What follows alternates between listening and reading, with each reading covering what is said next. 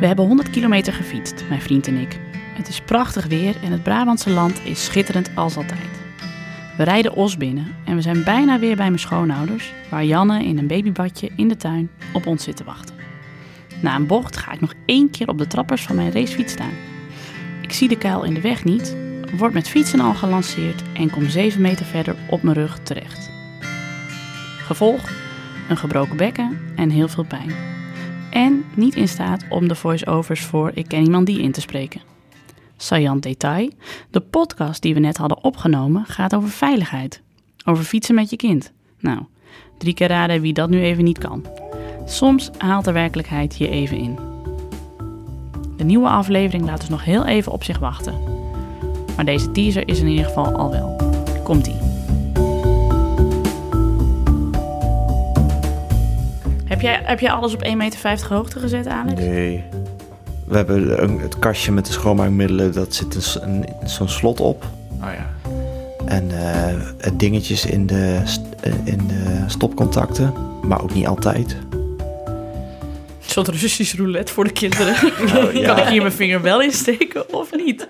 Het probleem is als er een stekker in zit en die stekker gaat eruit, dan zit er geen bescherming meer op het stopcontact. Nee, het is waarheid als een koe. Mhm. Ik weet niet, ik wil, geen, ik wil dus ook niet het hele huis vol met bubbeltjes plastic en spullen, maar ehm, ik vind het ook nogal lastig. Ja, maar het is, alles is ook gevaarlijk. Ik Ja, zat pas in de precies. auto met Alma en ze heeft dan zo'n speeltje dat je vast kunt klemmen aan, eh, aan de trui of aan, de, aan iets van de Maxi Cosi. Maar dat had ze losgekregen en toen zat ze dus met haar tong tussen de klem, zeg maar. Maar die was nog Oh, ja. open, maar ze stond op het punt om hem dicht te klikken. Ja. Toen moest ik ook met gevaar voor eigen leven zo al rijdend dat, dat ding uit haar handen eh, rukken. Ja, want dat is nu natuurlijk ook... eh, Dat was ook laatst voor in het nieuws dat er een boek is verschenen... over dat kinderen tegenwoordig niet meer ravotten. Dat ze veel Ja. meer buiten ook eh, alleen gelaten moeten worden. En ja, dit is ook zo'n discussie die je altijd voert met mensen... dat je zegt, ja, ik ging vroeger, wij gingen vroeger ook... Als we een nieuwjaarsvuur gingen maken... eh, om takken op te halen, zaten we ook met z'n allen op een platte kar... die door het dorp werd gereden met, achter een trekker. Er was ook geen ouder die zei, er moeten gordeltjes op de platte kar... want eh, dit is gevaarlijk. Ja, En ik kan het alleen maar zeggen van, oh ja, dat was niet erg, omdat er nooit iets ergs is gebeurd. Dat is het probleem misschien met dit hele onderwerp.